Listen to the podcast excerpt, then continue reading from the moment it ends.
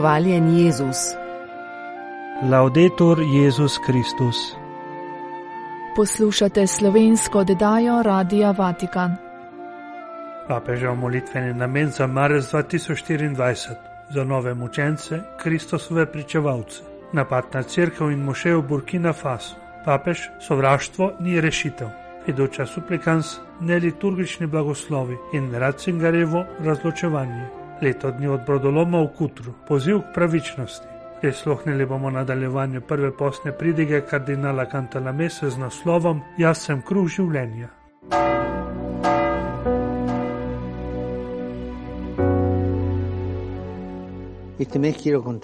Ta mesec vam hočem povedati pripoved, ki je odsev crkve danes. Papežev namen molitve za nove mučence, Kristusove pričevalce. Medtem ko sem obiskoval begunsko taborišče na Lesbusu, mi je nekaj mož rekel: Oče, jaz sem musliman. Moja žena je bila kristjanka. V naš kraj so prišli teroristi. Nas opazovali in nas vprašali po naši veri. Opazili so mojo ženo z razpelom in so ji rekli, naj ga vrže na tla. Ona ni tega storila, zato so ji pred mano prerezali vrat. Čisto tako je bilo.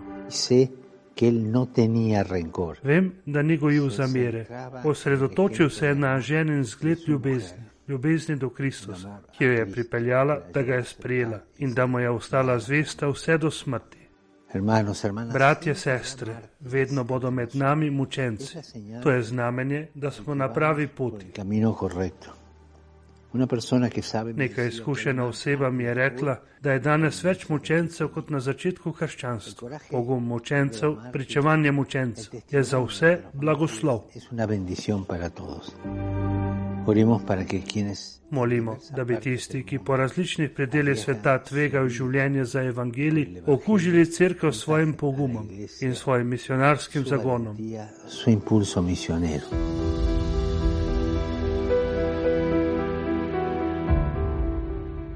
I abiertos a la gracia del martirio. Ter z odprtostjo za milost mučeništva.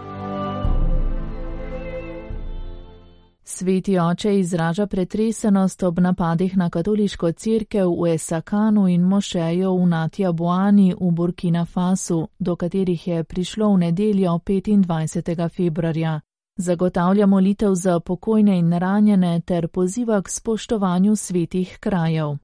Papež Frančišek moli za pokojne, ki jih izroča božjemu usmiljanju, ter za ozdravitev ranjenih. Podarja, da sovraštvo ni rešitev za konflikte, ter poziva k spoštovanju svetih krajev in boju proti nasilju, da bi se tako spodbujalo vrednote miru. Piše v telegramu, ki ga je v papeževem imenu poslal državni tajnik kardinal Pietro Parolin in ga naslovil na škofa Dabireja, predsednika škofovske konference Burkina Faso in Niger. Sveti oče se na gospoda obrača z molitvijo naj podeli moč in tolažbo vsem, ki so jih te tragedije prizadele, ter kliče Božjega blagoslova na sinove in hčere Burkina Fasa in za ves narod. Skupina oboroženih moških je v katoliško crkev v vasi Sakane na severovzhodu države udrla med 8 in 9 uro do povdne, ko je skupina vernikov bila zbrana pri nedeljski molitvi. Življenje je izgubilo 15 ljudi, dve osebi pa sta bili ranjeni. Škof Loren Dabire je povabil k molitvi za večni pokoj umrlih, ozdravitev ranjenih in tolažbo vseh, ki jih je dogodek prizadel. Prav tako vabi k molitvi za spreobrnjenje tistih, ki sejo smrt in pustošijo državo. Izraža upanje, da bi pokora in molitve v posnem času pripomogle k miru in varnosti v Burkina Fasu. Več deset življenj je terjal tudi napad na mošejo v kraju na Tjaboani v vzhodni Burkina Fasi. Skupina oboroženih moških je v zgradbo udrla okoli pete ure zjutraj med jutranjo molitvijo. Navodilo, ki ga je leta 2000 objavil tenanji prefekt kongregacije za nauk vere, je razlikovalo med obrednimi molitvami za uzdravljanje, ki so bile uvrščene v liturgične knjige, ter med pastoralnimi ali spontanimi. Isto merilo se zdaj uporablja za dopuščanje možnosti blagoslova neurejenih parov. Prisluhnemo razmišljanju Andreja Tornjelija, uredniškega direktorja dikasterja za komunikacijo, z naslovom Fiducia supplicans neliturgični blagoslovi in Ratzingerjevo razločevanje. Izjava Fiducia supplicans, ki jo je decembra objavil dikasteri za nauk vere, kot je znano, in kot so sicer mnogi dobro poudarili, ne spreminja tradicionalnega nauka v zakonu, ki poročni blagoslov predvedeva samo za moža in ženo, ki se poročata. Ta nauk je poglobil dokument, ki dopušča možnost preprostih spontanih blagoslovov tudi za neurejene pare ali za istospolne pare, ne da bi to pomenilo blagoslavljanje njihove zveze ali odobravanje njihovega načina življenja, pa je narava blagoslovov. Fiduča supplicans namreč razlikuje med liturgičnimi ali obrednimi blagoslovi ter spontanimi ali pastoralnimi blagoslovi. Kar zadeva prve liturgične blagoslove, obstajata dva načina njihovega razumevanja. Obstaja široki pomen, ki vsako molitev posvečenega služabnika obravnava kot liturgično, tudi v primeru, da je podeljena brez liturgične oblike in ne da bi se držali uradnega besedila. In obstaja ožji pomen, po katerem je neka molitev ali neka prošnja nad osebami liturgična samo takrat, ko je upravljena obredno in še bolj natančno, če temelji na besedilu, ki ga je odobrila crkvena oblast. Nekateri kritiki, ki so začeli razpravo o nedavni izjavi, dejansko menijo, da je dopusten samo širši pomen in zato mislijo, da razlikovanje med obrednimi in liturgičnimi ter pastoralnimi in spontanimi molitvami ali blagoslovi ni sprejemljivo. Med njimi so naprimer tudi tisti, ki ugovarjajo, da ima tudi bogoslužje pastoralni pomen.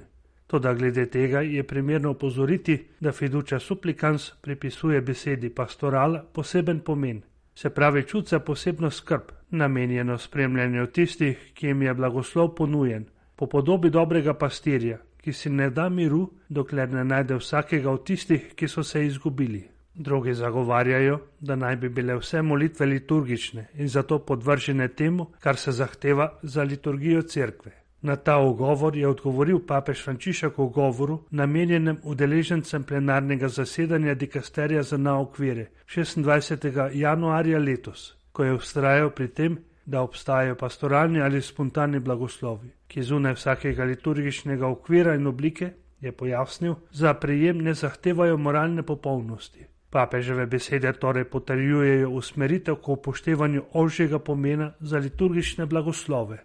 Glede razlikovanja med tem, kaj je liturgično in kaj to ni, obstaja pomemben precedens, ki ga najdemo v navodilu iz leta 2000, ki ga je objavila tedanja kongregacija za naukvire in ga je podpisal kardinal Jozef Ratzinger ter potrdil Janez Pavel II. Predmet tega navodila so molitve, da bi od Boga dosegli ozdravljenje. V točki številka dve prvega dela dokumenta se omenja, da je v blagoslovih, v rimskem obredniku blagoslovov bolnikov, v katerem so različne evhološka besedila, ki prosijo za ozdravljenje. V sklepnem delu navodila, ki je namenjen disciplinskim določbam, je člen, ki pravi: Molitve za ozdravljenje se štejejo za liturgične, če so vključene v liturgične knjige, odobrene od pristojne crkvene oblasti, sicer so neliturgične. Torej se ugotavlja, da obstajajo liturgične ali obredne molitve za ozdravljanje in druge, ki to niso, a so prav tako upravičeno sprejete. V naslednjem členu je rečeno, da se liturgične obhajajo po predpisanem obredu in v svetih oblačilih, navedenimi v rimskem obredniku blagoslovov bolnikov. Iz teh navedkov besedila, ki ga je podpisal kardinal Ratzinger in ga potrdil papež Janez Pavel II, lahko sklepamo, da pomen pojma liturgični, ki ga fiduča supplikans uporablja za definicijo obrednih blagoslovov, ki so različni od pastoralnih, gotovo predstavlja razvoj, vendar se vključuje v strugo nauka zadnjih desetletij.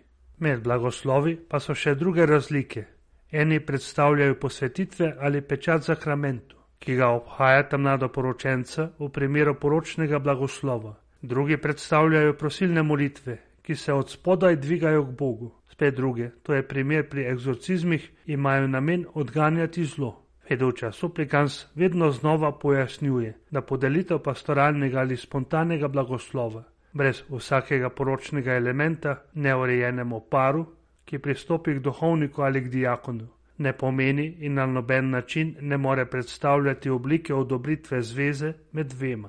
Blagoslova ni mogoče, pravi dokument, imeti za moralno poveljavitev neke zveze, ki domneva, da je zakon. niti neke zunaj zakonske spolne prakse. Pomeni pa prošnjo k Bogu naj omogoči, da se mena dobrega rastejo v smeri, ki jo on želi.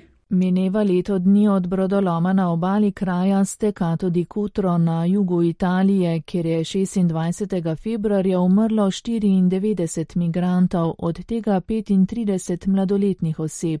Mnoge še vedno pogrešajo. Na ulicah mesta Krotone, le nekaj kilometrov stran od plaže Kutro, so se leto dni po tragičnem brodolomu zbrali svojci umrlih in pogrešanih. Pozivali so k pravičnosti in zahtevali, da se razjasnijo razlogi za neuspešno reševanje brodolomcev v noči med 25. in 26. februarjem 2023. Prišli so iz Nemčije, Avstrije, Severne Italije in Združenih držav Amerike. Pakistanci, Sirci, Iranci in zlasti Afganistanci, ki so v dožju hodili z velikim napisom: Nikoli več mrtvih migrantov v sredozemlju. Pridružili so se jim tudi prostovoljci mnogih humanitarnih organizacij in se skupaj odpravili proti športni dvorani, v kateri so lani bile krste z najdenimi trupli in točka za zbiranje dokumentov in osebnih podatkov sorodnikov, ki so prišli prepoznavati telesa. Med udeleženci shoda je bila tudi Amarkel Iršah, nečakinja afganistanske novinarke Amarkel Torpekaj. Bilo je nemogoče sodelovati s talibani in zato se je odločila, da zapusti Afganistan. Umrla je v brodolomu v Kutri. Amarkel Iršah je tisto noč pred enim letom v brodolomu poleg tete izgubila še sestrično njenega moža ter njune tri otroke. Afganistan je zapustila leta 2008, najprej odšla v Belgijo, nato v Italijo. Vincenzo Lučano je 50-letni ribič iz Kutra, Bil je med prvimi, ki so skočili v morje, da bi rešili brodolomce. Pred letom dni je vatikanskim medijem pripovedoval o tragediji, ki jo je doživel in o tem, kako težko je preživeti, spati, se vrniti domov in se umakniti z te plaže. Dvanajst mesecev pozneje se je le malo spremenilo. Kot je dejal, se vsak dan spomni prizorov izpred enega leta. Upam, da bom pozabil, a ne morem kako lahko pozabiš, ko ti v naročju umre otrok. Med tiskovno konferenco v Krotonu je Manuelita Šiljano, odgovorna za koordinacijo združenj in aktivistov, ki so kmalo po brodolomu pomagali svojcem in preživelim, pozvala Italijo in Evropo k odločitvi, da je ljudi sredi sredozemlja treba rešiti, saj se bodo le tako lahko izognili tragedijam, kot je bila ta v Kutru. Vrnimo se k tistemu, kar moramo storiti, to je zaščititi življenje, je povdarila. Pietro Bartolo, poslanec Evropskega parlamenta in zdravnik z Lampeduze, ki je ob obletnici prav tako prišel v Krotone, pa je spomnil na pozive svetega očeta naj Mare Nostrum ne postane Mare Mortum, to je morje smrti. Bartolo je izpostavil, da je papež Frančišek eden redkih, ki se ob vsaki priložnosti postavi na stran najslabotnejših. Škoda, da se le malo stvari spremeni. Prej ali slej bomo spoznali, da imamo opravka z ljudmi in takrat bomo začeli oblikovati evropske zakone in predpise, pri čemer tudi sam sodelujem, da bi ti ljudje prišli po pravno urejenih poteh in ne na sramotne načine, kot zdaj, ko so le nekaj metrov od Evrope deležni nasilja, slabega ravnanja, mučenja, poniževanja in na zadnje celo smrti. To je nespremljivo in nemoralno, je še dejal Bartolo. Prisluhnemo nadaljevanju prve postne pridige kardinala Raniera Cantalamese z naslovom Jaz sem kruh življenja. Poiché la parola di Dio è luce dell'anima e il tuo sacramento è pane di vita. Ker je Božja beseda luč duše in tvoj sakrament je kruh življenja, ne bi mogel živeti sveto, če bi mi teh dveh stvari manjkalo. Lahko bi jih razumeli kot dve mizi, postavljeni na eni in na drugi strani dragocenega templja svete cerkve. Enostranska uveljavitev enega od teh dveh načinov uživanja kruha življenja z izključevanjem drugega je posledica nesrečne delitve, do katere je prišlo v zahodnem krščanstvu. Na katoliški strani je evharistična razlaga na koncu postala tako prevladujoča, da je šesto poglavje Janezovega evangelija naredila skoraj da enakovredno pripovedi o postavitvi evharistije. Luther pa je v odzivu trdil nasprotno in to je, da je kruh življenja Božja beseda. Ta se razdeljuje z oznanjevanjem in se uživa z vero. Ekumensko ozračje, ki se je vzpostavilo med verujočimi v Kristusa, nam omogoča, da znova sestavimo tradicionalno sintezo, ki je prisotna v očetih. Nobenega dvoma ni, da kruh življenja prihaja k nam po Božji besedi in zlasti po Jezusovih besedah v Evangeliju. Na to nas opozarja tudi njegov odgovor skušnjavcu. Človek ne živi samo od kruha, ampak od vsake besede, ki prihaja iz Božjih ust. Toda kako ne bi v Jezusovem govoru v shodnici v Kafarnaumu videli tudi navezovanja na Euharistijo? Ves kontekst spominja na gostijo. Govora je o jedi in pijači, o jesti in piti, o telesu in o krvi.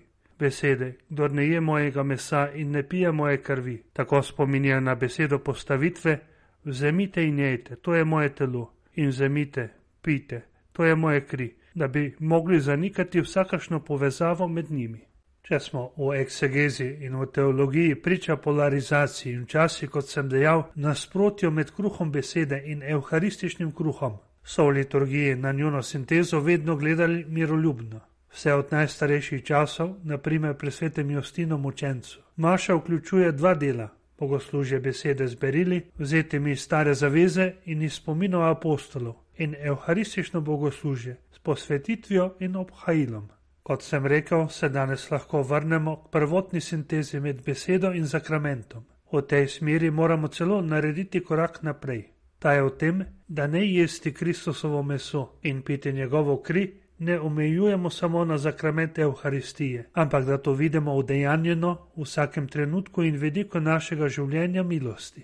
Ko sveti Pavel piše, kaj ti živeti je zame Kristus, ne misli na nek poseben trenutek, Za nje je Kristus resnično kruh in vino v vseh načinih njegove navzočnosti. Uživa ga z vero, upanjem in ljubeznijo, v molitvi in vsem. Človek je ustvarjen za veselje in ne more živeti brez veselja ali brez upanja na nj. Veselje je kruh srca, tudi resnično veselje apostolišče in spodbuja svoje, naj ga iščejo. V Gospodu Jezusu Kristusu. Veselite se v Gospodu zmeraj. Ponavljam vam, veselite se. Jezus je kruh večnega življenja ne samo zaradi tega, kar daje, ampak tudi in predvsem zaradi tega, kar je. Beseda in zakrament sta sredstvi. Živeti iz njega in v njem je cilj. Kakor je mene poslal živi oče in jaz živim po očetu, tako bo tudi tisti, ki mene je, živel po meni. V hvalnici Adore te devote, ki je stoletja spodbujala evharistično pobožnost in češčenje katoličanov, je kitica, ki je parafraza te Jezusove besede. V izvirniku, ki se ga mnogi med nami gotovo spomnijo, zveni takole: O memoriale mortis domini, panis vivus vitam, prestans homini, presta me menti de te vivere, et te ili semper dulce sapere. V slovenščino je prevedeno takole: O spomin, ki kaže smrt gospodovo, živi kruh, življenje daješ milostno. Naj živim od tebe, milostno mi daj in sladkost na tvojo čutim vekomaj. E gusti la dolcezza che da te deriva. Vas Jezusov govor torej teži k pojasnitvi, kakšno življenje nam daje. Ne življenje telesa, ampak življenje duha, večno življenje vendar svojega razmišljanja v nekaj minutah, ki mi ostajajo, ne bi želel nadaljevati v tej smeri. V zvezi z evangelijem moramo vedno praviti dve opravili in predtem strogo upoštevati njun vrstni red. Najprej prilastitev, potem posnemanje. Doslej smo si po veri prilastili kruh življenja in to storimo vsakokrat, ko prejemamo obhajilo. Sedaj pa gre za to, da pogledamo, kako to prevesti v prakso svojega življenja. Da bi to storili, si postavimo preprosto vprašanje, kako je On, Jezus, postal za nas kruh življenja. Odgovor nam je dal On sam in to prav v Janezovem evangeliju. Poslušali ste slovensko oddajo Radia Vatikan.